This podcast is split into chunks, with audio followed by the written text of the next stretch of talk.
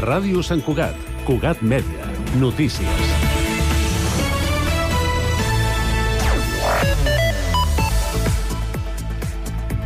L'executiva d'Esquerra Republicana a Sant Cugat ha explicat en un comunicat que es mostra sobtada per les declaracions fetes en una entrevista a Cugat Mèdia del tinent d'alcaldia de Relacions Institucionals, Bon Govern i Ciutat Digital, Jordi Puigneró. Aquest mateix carregava contra el govern anterior pel forat econòmic que han deixat que els ha condicionat en el pressupost que ha presentat per al 2024 i qualifica la gestió d'Esquerra Republicana, el Partit Socialista i la CUP dels últims 4 anys de deixadesa econòmica. L'executiva d'Esquerra ha sortit al pas d'aquestes declaracions argumentant que la situació pressupostària actual de l'Ajuntament no és bona per moltes raons. La principal és la pèrdua d'ingressos de l'impost a plusvalies de més de 15 milions d'euros, una pèrdua que és estructural i no ha estat compensada per l'Estat com s'esperava. Els republicans també asseguren que tenim clar que significa formar part del govern de coalició, on el respecte i la feina transversal són el pal de paller. Els governs plurals avancen quan existeixen punts d'acord i trobada, un full de ruta pactat i una relació de respecte, han argumentat en el comunicat als republicans. Clam per incorporar tothom a la lluita contra les violències masclistes. Sant Cuat ha donat aquest divendres el tret de sortir dels actes per commemorar el Dia Internacional contra les Violències Masclistes amb la lectura del manifest institucional que han llegit dues alumnes del cicle d'FP de promoció de la igualtat de gènere. El text, consensuat per la Generalitat, les diputacions i les entitats municipalistes, reclama acabar amb el patriarcat i la ideologia masclista que el sustenta. Per les dues estudiants de l'Institut FPA que, que han posat veu al manifest, l'Este Barrio Nuevo i Joana Brau, el més important és que tothom s'assumi aquesta lluita perquè és una lluita de tothom.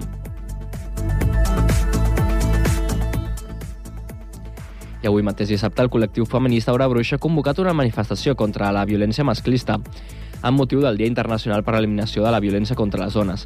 La manifestació comença a les 6 de la tarda des de la plaça de Lluís Millet i recorrerà l'eix central fins a arribar a la plaça d'Octavià.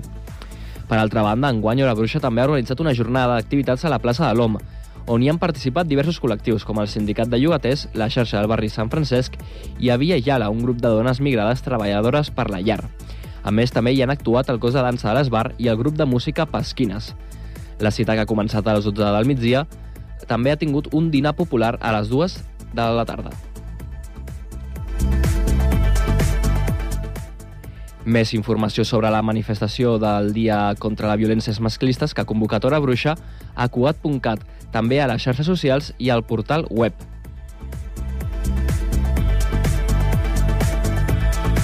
Cugat Mèdia, la informació de referència a Sant Cugat.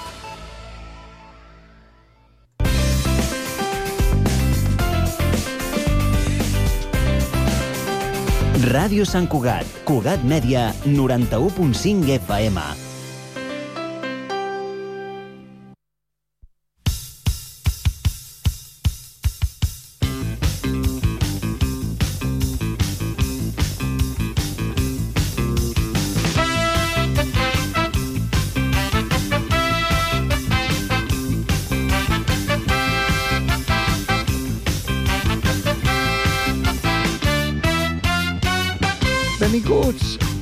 Benvinguts, estimats parroquians i parroquianes, tortugues i tortugues, benvinguts com més a la nostra cita setmanal amb la música.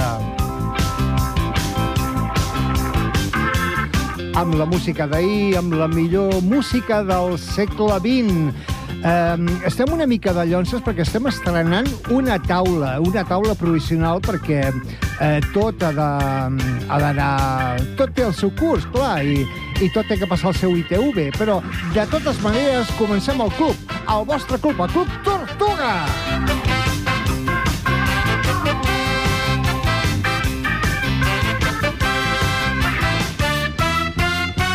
I avui, avui tenim convidat. Tenim convidat perquè mm, eh, un és un friqui de la música, ja ho sabeu, un sap, eh, ha après un, tres o quatre coses sobre la música al llarg de tots aquests anys, però per molt que creguis que saps de música, sempre te n'adones que hi ha algú que sap també tant o inclús més que tu en segons quins tipus de música. Per tant, avui tinc un convidat, un convidat que el vaig conèixer amb temes literaris i que al final ha acabat sent un altre friqui de la música.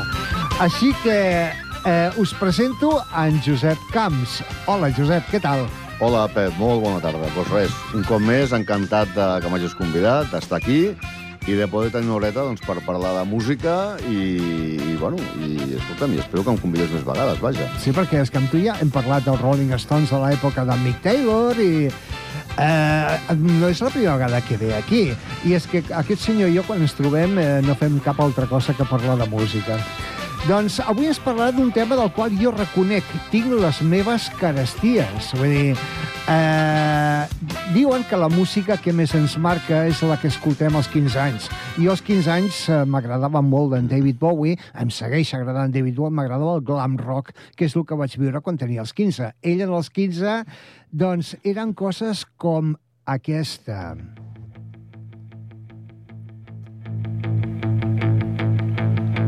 When Johnny come marching home again, hurrah, tra-la. He's coming by bus or underground, hurrah, tra-la. A woman's eyes shed a tear to see his face, so beaten and fair. Just around the corner. Una versió, una versió un tant curiosa de, de l'himno de batalla dels Estats Units d'Amèrica. Eh, doncs sí, parlarem del punk. Parlarem de la irrupció del punk, que ell la va viure adolescent. Eh, Josep, el punk què és el que et va cridar l'atenció? Bueno, eh, suposo que és això que tu dius, Pep, que et marca força la música que escoltes de jove, no? I l'explosió del punk doncs, va coincidir doncs, amb la meva adolescència. I, és clar, doncs, era una música que de cop i volta eh, em va meravellar, no? Perquè la vaig trobar doncs, contundent, agressiva, mm, desenfadada a la vegada també, i, bueno, doncs, doncs això, doncs vaig començar a escoltar Ramones i Sex Pistols, i després van venir els, els Clash, i, i va ser una època, una època xula, xula. I, bueno, i és una coses, això, doncs, doncs m'ha quedat amb el pas del temps, continuo escoltant punk, potser dia d'avui no serà el meu gènere musical que escolto més habitualment, però continuo, sí, sí, continuo estant, estant a sobre del punk i amb les, amb les noves fornades que van sorgir doncs, a final de segle, Green Days and Company, doncs, bueno, Sí, aquesta, també... aquesta és una cosa que també... Perquè avui eh, no, no, no parlem del punk específicament, sinó que, a més a més, eh, apuntem perquè parlarem de The Clash, perquè The Clash ha marcat,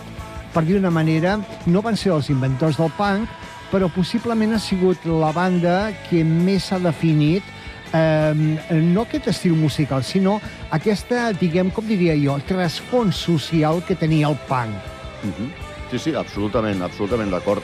Eh, diuen que el primer grup punk van ser els Ramones, eren de, de Nova York, tot i que abans, eh, ara en parlarem, eh, però abans hi havia hagut altres bandes doncs, que havien fet algunes incursions, però oficialment la banda que d'alguna manera doncs, va, va batejar aquest nou moviment musical van ser Ramones, i això ràpidament va saltar al Regne Unit, especialment a Londres, i la seva àrea i allà doncs, grups com, com els Sex Pistols, com The Damned, i sobretot els Clash, uh -huh. eh, van, van marcar una època, van marcar una època. Els Pistols i els Damned van tenir una vida força efímera. Llavors, doncs, eh, van ser molt rellevants al seu moment, però mm, no, van, no van quallar del tot eh, amb el que és la història de la música. No?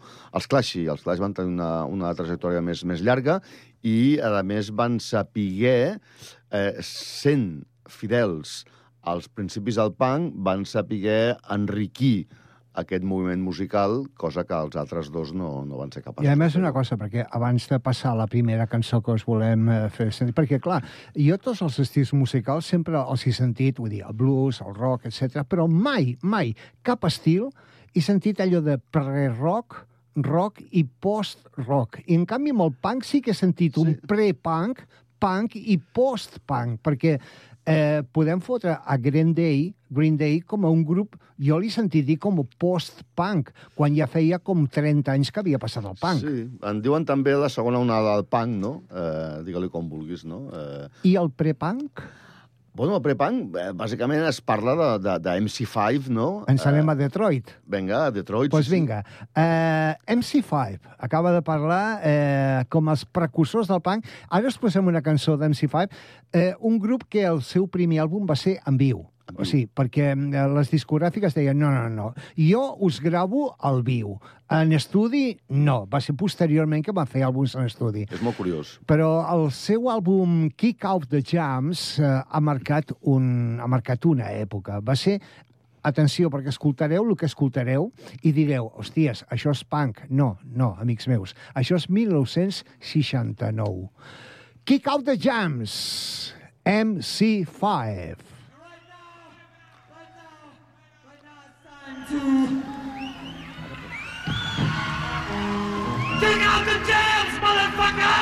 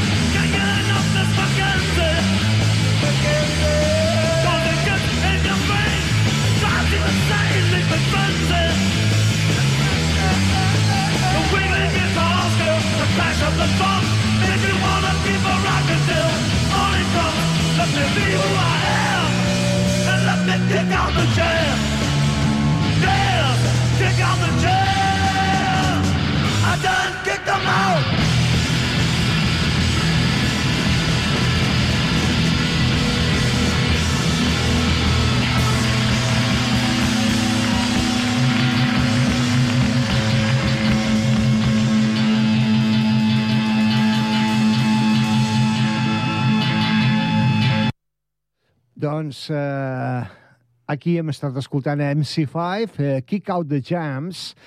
Um, això, Josep, que hem estat escoltant, perfectament ho podíem haver haver-ho escoltat uh, cap allà al 76 o 77, oi? Sí, sí, sí, sí, és el que deies tu abans, molt ben dit, no? Eh, es consideren, doncs, eh, una mica els precursors del, del, del punk, no? El que en diuen el prepunk. Ells, els MC5, eh, juntament amb, el, amb l'Iggy Pop. Amb Iggy Pop. Escolteu això un momentet.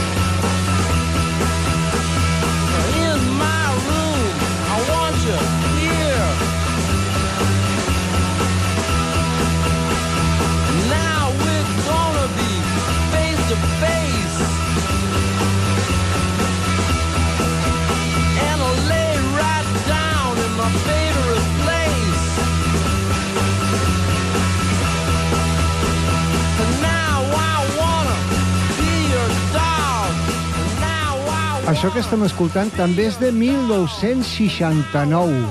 Estem escoltant a Iggy and the Stocks, el seu àlbum de debut, The Stocks, I Wanna Be Your Dog.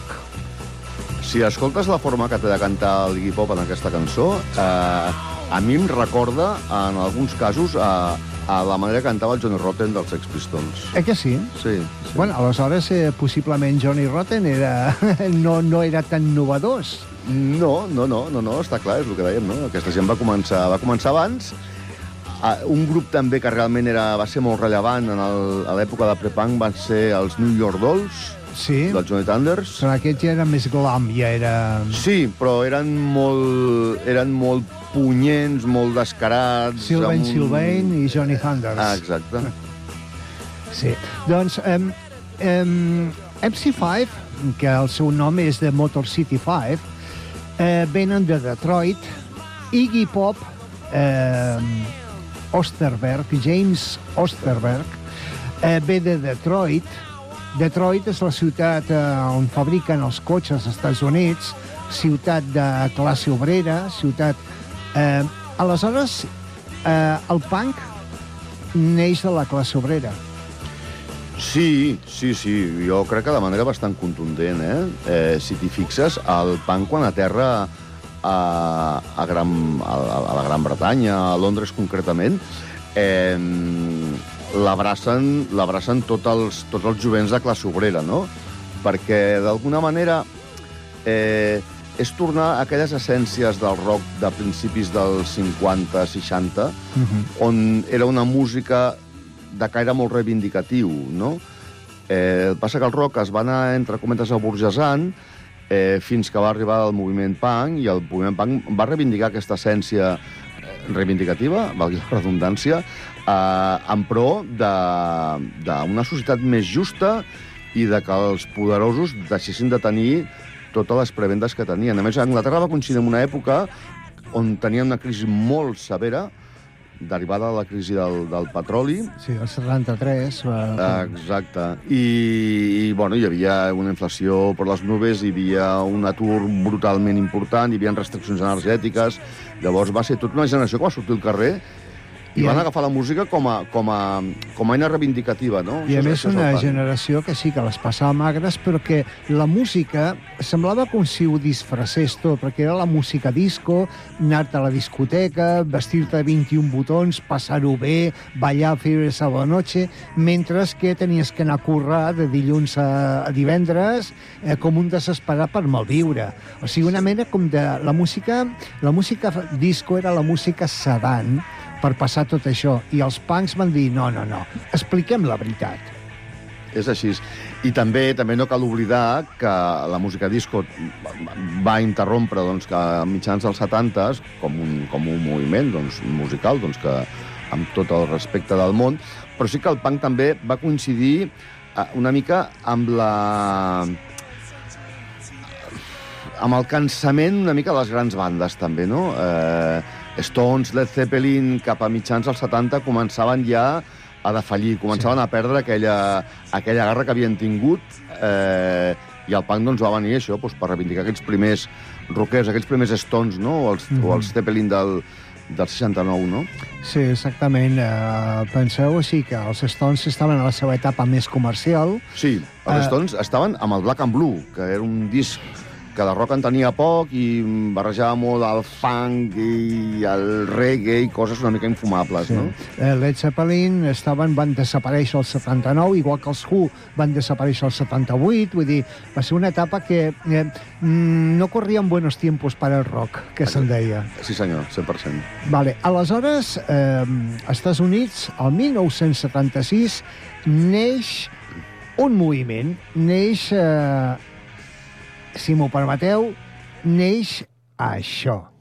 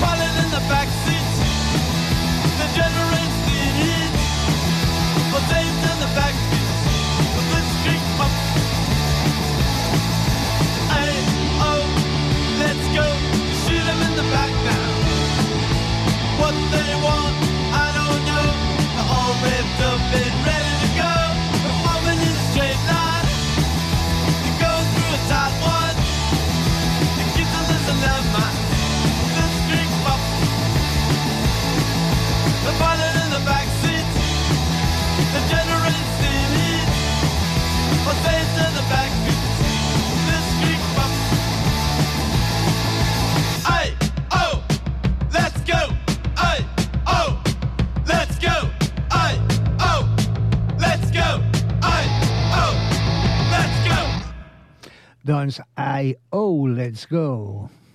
Ramones. Eh, aquest va ser el, el pistoletazo de, de, de salida, oi? Sí, això també... Dèiem això, no?, que, que Led Zeppelin, els Stones, uns havien ja perdut, diguéssim, aquella frescura que havien tingut temps enrere, però també a la primera meitat dels anys 70 eh, les llistes d'èxits en bona part estaven ocupades per, per grups de, de rock progressiu, rock sinfònic, no? Eh, gent com Pink Floyd, Jethro Tull, eh, Emerson Lake and Palmer, no? Eren unes músiques eren unes músiques que vivien molt de la psicodèlia, de, de finals dels 60s. Sí, el que passa que la música, precisament el que dius, el rock progressiu, sí que és veritat que a partir del 73, mm. i suposo que sobretot, sobretot, des de que Pink Floyd va treure el tema Money, que va ser per primera vegada un tema de rock progressiu, estava a les llistes d'èxits. Però, clar, eh, abans, eh, amb King Crimson, amb Yes, amb Genesis, no podies fer-ho. En cançons de 10-12 minuts Clar, clar. Eh, no podies entrar a, les, a, a, a la mass media, vull dir, al, a les ràdios. Vull dir, eh, la ràdio fórmula d'aquella època no permetia aquest tipus de coses.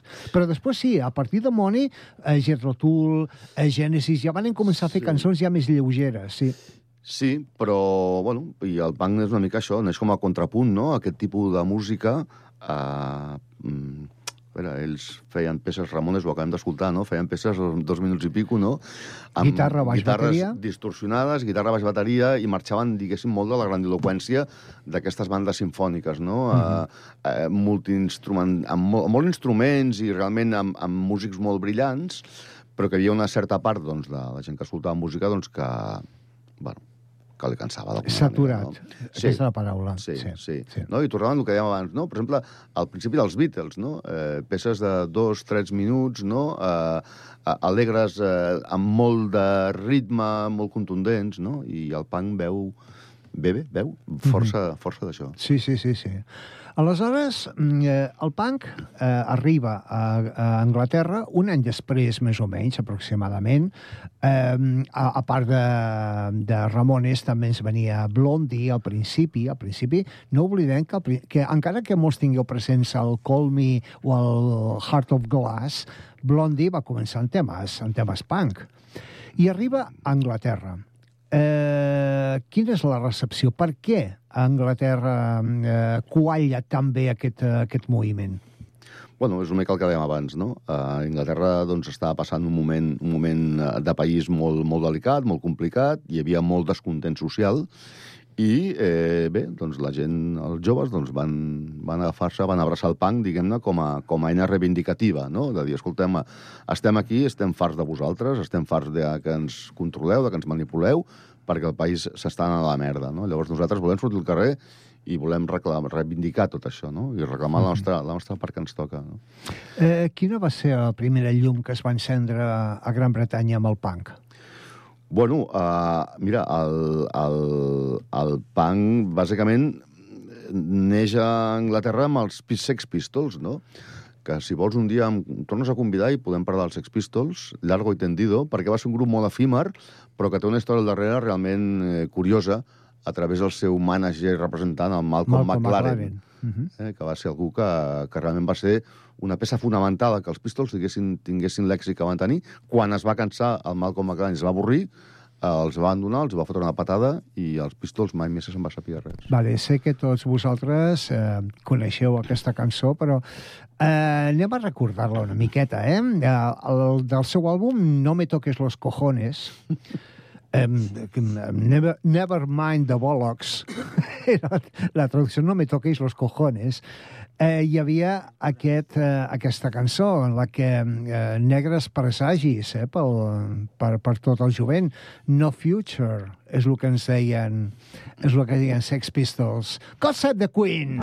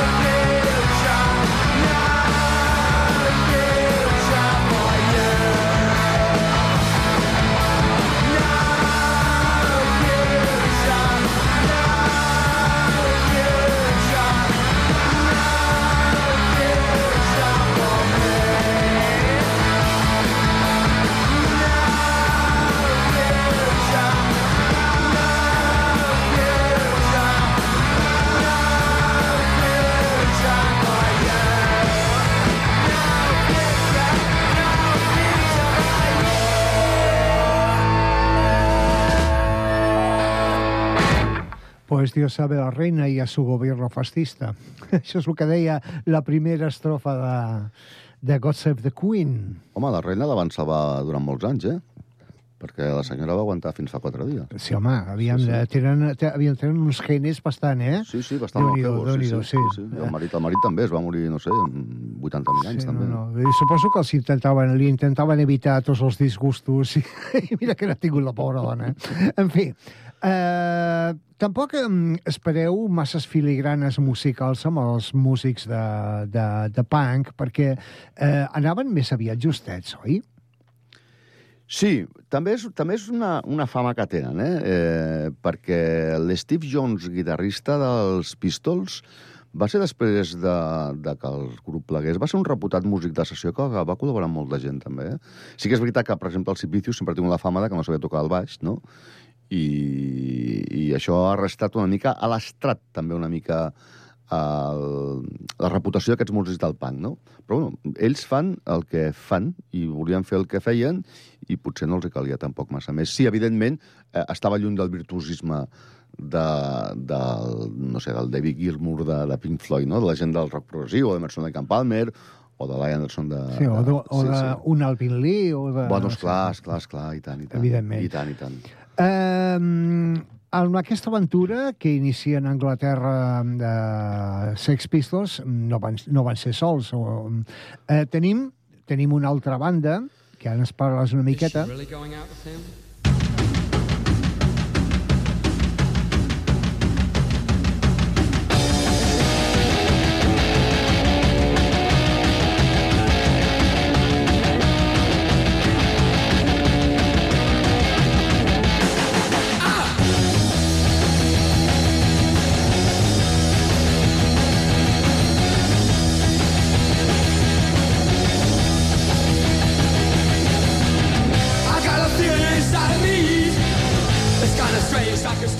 Fem-nos fem cinc cèntims de- d'aquests senyors.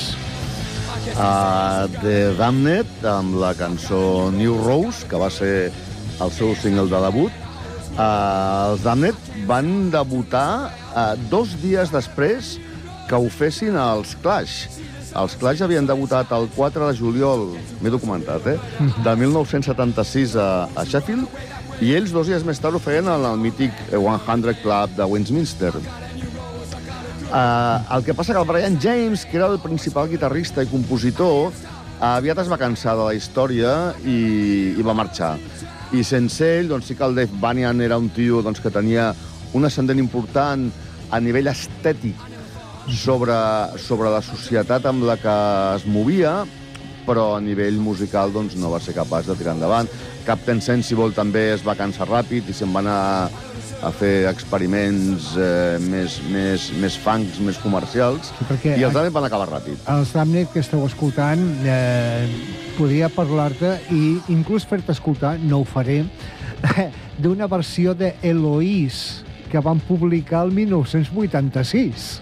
Els Damned, Eloís. Sí, la que cantava el Tino Casal, la que cantava eh, eh, Paul Ryan el 1969. Doncs per això, per això dic que sí, i una mica comercials es van fer, sí, sí. Però bé, de fet, eh, arribem on havíem d'arribar. Joe Strummer, eh, Mick Jones, Jones. que podríem dir que és, són els alma maters de això.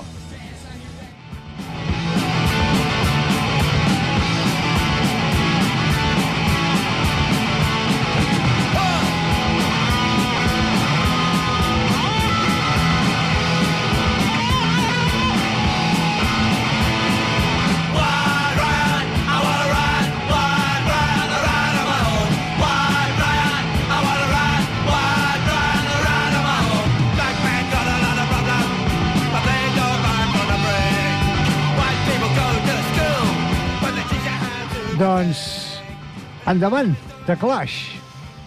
Bueno, The Clash i White Riot, no?, que va ser el seu, El seu el debut, seu no? tema de debut, sí, al març de l'any 77, eh, amb un àlbum que es deia The Clash, precisament, Uh -huh. on seguien el, els mandatoris més convencionals del punk, És un àlbum que va tenir un èxit moderat. Eh, curiosament, eh, la seva primera gira, la primera gira dels Clash eh, va ser una gira europea amb els Buzzcocks i amb els Jam del Paul Weller. Ostres, El jovenet Paul Weller, que llavors ja era, ja era algú realment important. quina barreja més curiosa de Jam, de Buzzcocks i de, i de, de Clash. Bueno, no oblidem, eh? La primera època dels Jam era molt punky, eh? El disc In the City és un disc molt content, que passa que el Paul Wall és un tio doncs, eh, que ha anat evolucionant, és un tio molt camaleònic, i amb el pas dels anys doncs, ha passat pel punk, pel, pel funk, pel rock més, més autèntic, pel, pel blues, va passar per molts, per molts escenaris, no? Sí, eh, jo reconec que, que el, el, plan, el punk és un estil musical que no li havia donat eh, massa...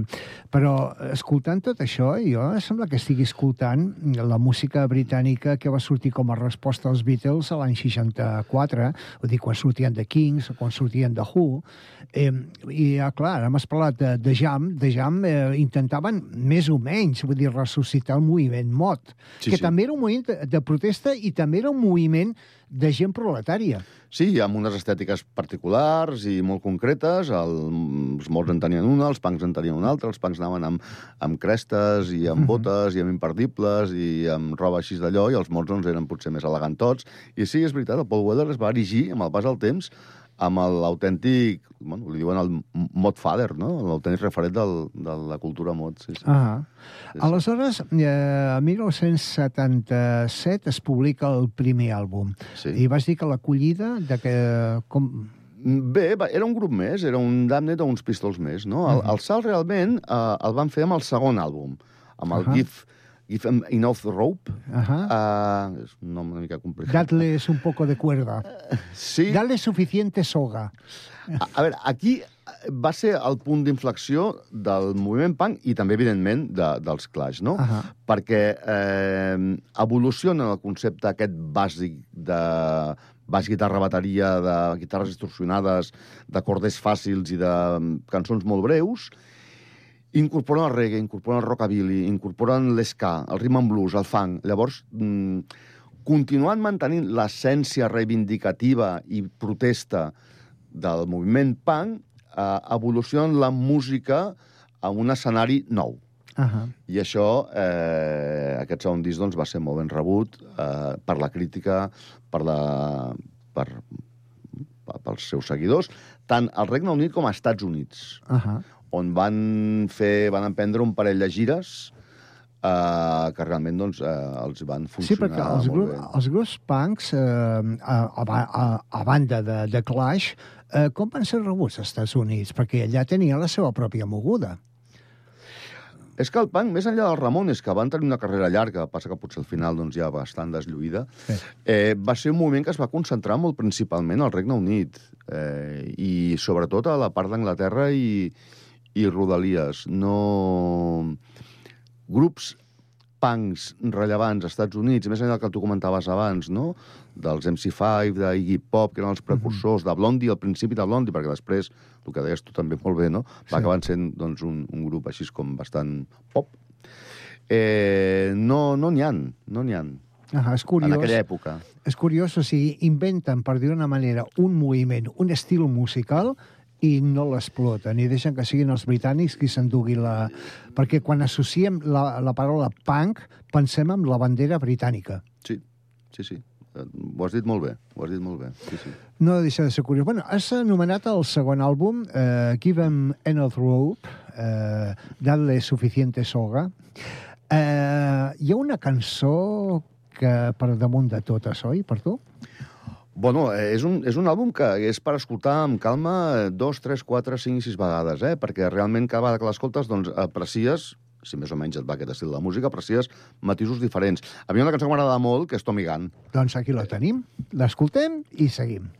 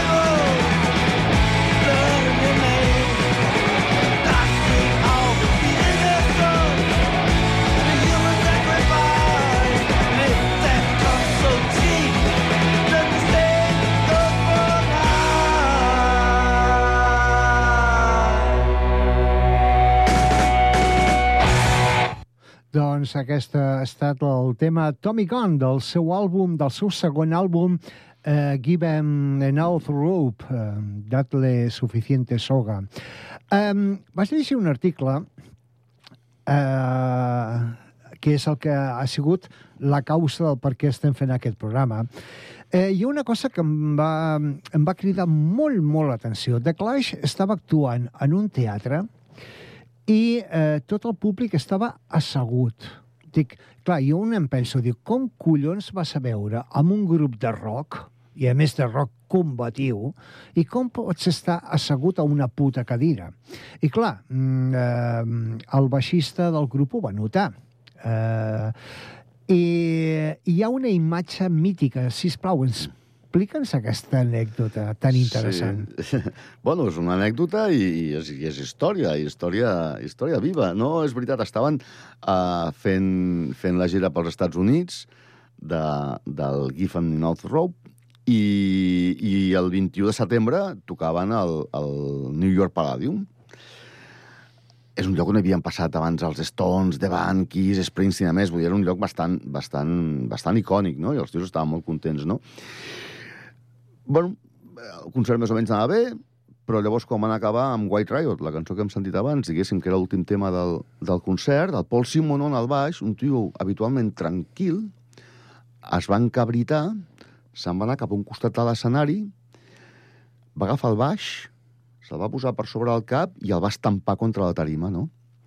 El tio després va explicar que, és clar, eh, com tu deies, no? Concert punk amb tota la canya del món, com aquesta, aquest Tommy Gunn que hem escoltat, i la gent estava sentada amb les butaques, i això, ell, acostumat a tocar per clubs d'Anglaterra, no hi estava acostumat. I el tio es va emprenyar tant que se'n va anar i, i, i, va- i, va, i va trencar, va destrossar el, el seu Fender Bass Precision, No? O sigui, com un Pete Townsend qualsevol. Absolutament, absolutament. I a més, curiosament, eh, justament eh, se'n va anar cap un racó on, on a sota l'escenari hi havia la, la Penny Smith. La Penny Smith era una fotògrafa que col·laborava feia temps amb revistes de, de, de música, rock i tal, i que estava cobrint la banda de, l'estava cobrint la gira dels Clash per Estats Units. Curiosament, ella sempre es posava al costat del, on habitualment estava el Mick Jones, el guitarrista, però aquell dia, no sap per què, es va col·locar al costat del baixista, del Paul Simonon, no? I ella estava allà quan el Paul Simonon anava corrents cap a la punta de l'escenari amb el baix per sobre el cap, a punt d'estampar-lo a la tarima, va agafar la seva càmera, una, una, una Pentax que portava eh, amb un carret de 400 assa, i de manera mm, impulsiva el va fotografiar justament en el moment en què el Simon estampava el baix, no? Eh, era una foto que no té qualitat, no tenia qualitat, estava molt desenfocada, no tenia cap il·luminació res, perquè es va prendre pues, això, pues, en un lloc a, a les fosques, sense preparar-se res, i amb un carret de 400 assa, no? Però ara és una imatge icònica. Bueno, aquella imatge eh, va ser la imatge que, va, eh, que els Clash van escollir per, eh, per la portada del seu tercer àlbum, del London Calling. Que, per cert, eh, London Calling eh, està escrit amb una tipografia i amb uns colors determinats sobre una foto en blanc i negre que és exactament idèntica al primer àlbum d'Elvis Presley. Sí, és molt curiós això. Eh, no se sap ben bé el per què. És a dir, hi ha algú que diu que va ser una, un, un homenatge al primer disc d'Elvis Sí, Presley. perquè els colors és el mateix Pantone, eh? Sí, perquè el mànager en aquella època dels, dels Clash era molt... Eh, eh, perdó, el mànager no, el, el tio que estava s'encarregava de fer el disseny de la portada i tal, era molt fan del, de l'Elvis Presley i va voler retre'ls un homenatge. Però a la vegada, els Clash, per aquella època, deien no Elvis, no Beatles, no Stones. Eh, amb la qual no se sap ben bé si és un homenatge o és una, una burla. O, o possiblement podria significar m'agradaria entendre-ho així d'aquesta manera que The Clash podria significar el mateix que va significar Elvis quan va sortir en el seu moment. Sí, una, un reivindica trencament una reivindicació és probable. Sí, sí, perquè, evidentment, l'Elvis d'aquella època doncs, era, era, era un trencament de tot i era una cosa molt, molt novedosa, eh? però ells se n'en fotien bastant de l'Elvis, també. Uh -huh. Potser Bueno, no m'estranya, eh? posterior, de disc posterior, no? Jo sempre penso, jo sempre he pensat de que Elvis eh, va, va desaparèixer en 1959, el van abduir, no sé què és el que van fer, i amb l'excusa de l'Emili, quan es van tornar, es van tornar una altra cosa, perquè és que no, no, no era l'Elvis del Gilhouse Rock, no era l'Elvis de, de, de, Hellbreak, de Hellbreak Hotel, eh, era una altra una cosa. altra, una altra etapa, sí, Sí, sí, sí, sí, sí. sí. En qualsevol cas, aquesta foto amb poca qualitat i de més, després de moltes discussions, el Joe Stramer va dir no, no, vull aquesta foto que sigui la portada de l'àlbum, un àlbum que, que bona part de la crítica considera London Calling com el millor àlbum de la dècada dels 80. Lletres compromeses, oi?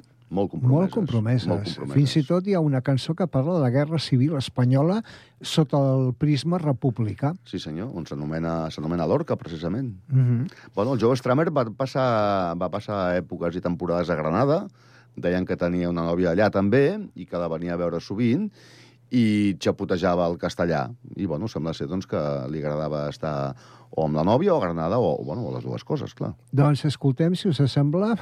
Sí, qualsevol de les dues. Eh? eh, escoltem, si us sembla, Spanish Bombs, bombes espanyoles sobre la Guerra Civil.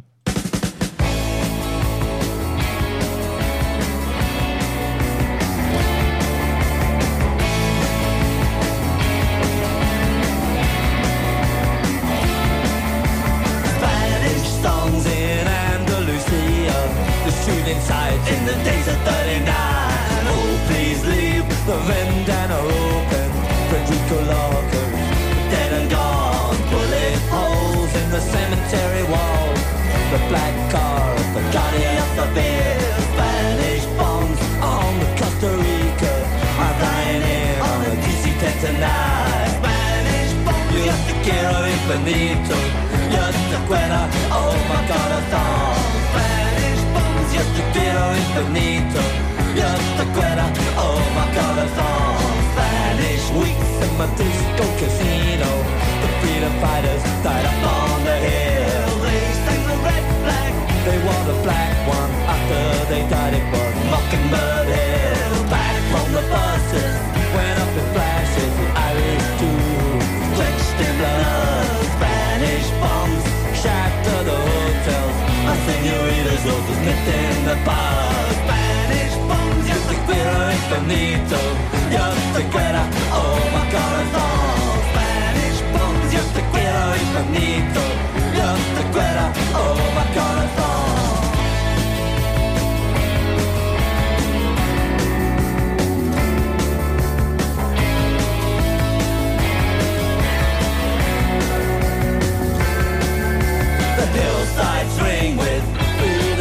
Or can I hear the echoes of 39?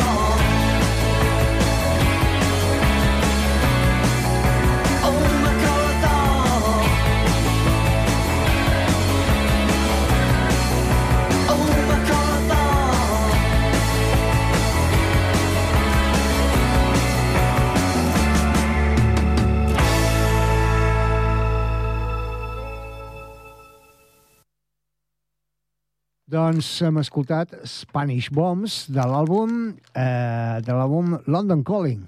Mm, què podem dir d'aquest àlbum? Bueno, home, aquest àlbum és una mica el que dèiem abans, és un, és un dels grans dels grans àlbums de... no de punk només, sinó del, del rock que s'han fet. Eh, a qualsevol, tant per part de la crítica, qualsevol llista de millors àlbums de la història eh, sempre està allà i, no, i en posicions posicions eh, bastant amunt. I, i bueno, i, i és una mica la, la banda sonora de, de, de tota una generació, no? en aquest cas la meva, Uh -huh. doncs que vam créixer escoltant, escoltant les cançons de London Calling. Eh? Aquí a Espanya, London Calling, uh, era, era, un- era un àlbum doble, es venia a preu, a preu d'àlbum senzill. Uh -huh. I després, el següent àlbum que va venir, que era el Sandinista, Sí. era un àlbum triple que també es va vendre aquí a Espanya a preu de, a preu de senzill. O sigui que això de, de la mentalitat Mick Jagger de jo estoy aquí por la pasta, eh, no podíem dir-ho el mateix amb, amb aquesta gent. No, no, no, no, exacte, molt bé, Mick Jagger, molt bon. molt bona referència. Sí, sí, sí, pel que tinc entès, doncs, eh, bueno, van tenir problemes doncs, amb, la, amb, la, amb la discogràfica i tal, la discogràfica van dir si estàveu bojos i tal, i ells van dir, bueno, o ho fem així o no, o no ho venem. Vull dir, no... Volem que la nostra música eh, estigui a l'abast de quanta més persones millor. Doncs aquí teniu una petita història eh, d'aquest àlbum, de London Calling, perquè quan una vegada ja estava feta la maqueta, Mick Jones eh, eh, va decidir incloure el que se'n diu un hidden track, o sigui, una pista amagada, una pista incògnita, una cançó eh, feta per ell i que gaire, i que gairebé ningú de la banda sabia que estava enregistrada la maqueta fins que va sortir l'edició. La cançó, escoltem-la, es diu Train in Vain. Aquí la teniu. You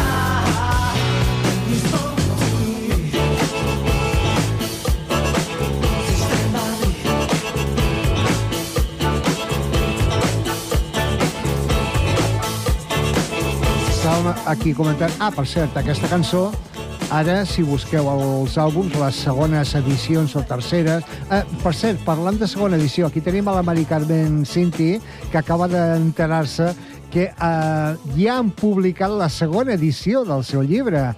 De, de, en el fondo de mis ojos. Sí, la tenim aquí, una emocionadeta, pobret. Mira. Eh, eh, Després en parlem. doncs, eh, si mireu les següents edicions de London Calling, hi és la cançó aquesta de Tronny in Vain, però no en la primera, que, per cert, jo vaig llegir l'altre dia, perquè també ha... que la primera edició de l'àlbum, la primera, es paga una borrada de diners per un eh, vinil de la primera edició de London Calling, on no apareix el nom de la cançó Train in Vain. Pues ara que ho dius, ara quan arribi a casa miraré quina edició tinc jo, perquè Doncs- la vaig comprar fa molts, molts anys, com doncs sigui mireu, una primera edició. Doncs mireu, perquè demanen una borrada, eh, per aquesta edició, El que sí que he vist l'altre dia... la que no la vendràs pas. Home, depèn del que em doni. vale. L'altre dia llegia que el, per Wallapop la portada de... O sigui, el disco de Sticky Fingers dels Stones, Sí. amb la portada especial, Sí. específica que van fer per Espanya, Sí, estava a la venda per 100 euros. sí, sí. jo, sí. jo el tinc, evidentment. El tens? Sí. Doncs guarda'l, perquè Sí, d'aquí d'aquí oi? uns quants Sí. dies veuràs... O sigui, d'aquí uns quants anys, un, un pocs anys... Pujarà de preu. Pujarà, però molt, eh? Doncs L'estan buscant. Ho, deix, ho deixaré, ho deixaré No, no, a la meva filla d'herència. Sí, aquesta és una altra. O sigui, el que tingueu el vinil de Sticky Fingers, però el de la llauna en conserva, no el de l'Andy Warhol, el de la llauna en conserva, doncs guardeu-la, eh? Doncs eh, i ens queda poquet, ens queda el temps just per escoltar, per acomiadar-nos amb, el, amb la crida de Londres, el London Calling. Eh, què podem dir d'aquesta cançó? Bueno, és, un himne, és un himne. A, a, a partir d'aquesta cançó, suposo que amb una estratègia de màrqueting, però els Clash van començar a considerar-se o a dir-se o els anomenaven com la única banda que importa. La única banda que importa. Anglaterra era l'única banda que importa, i durant molts anys va ser així.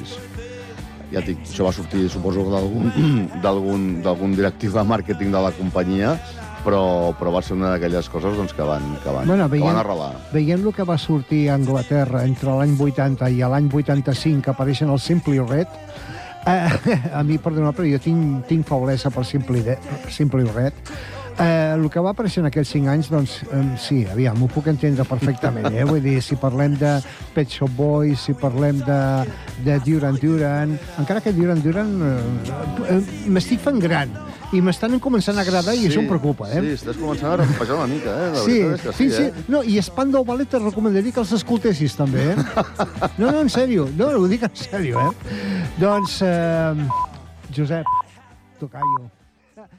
Hasta... Ràdio Sant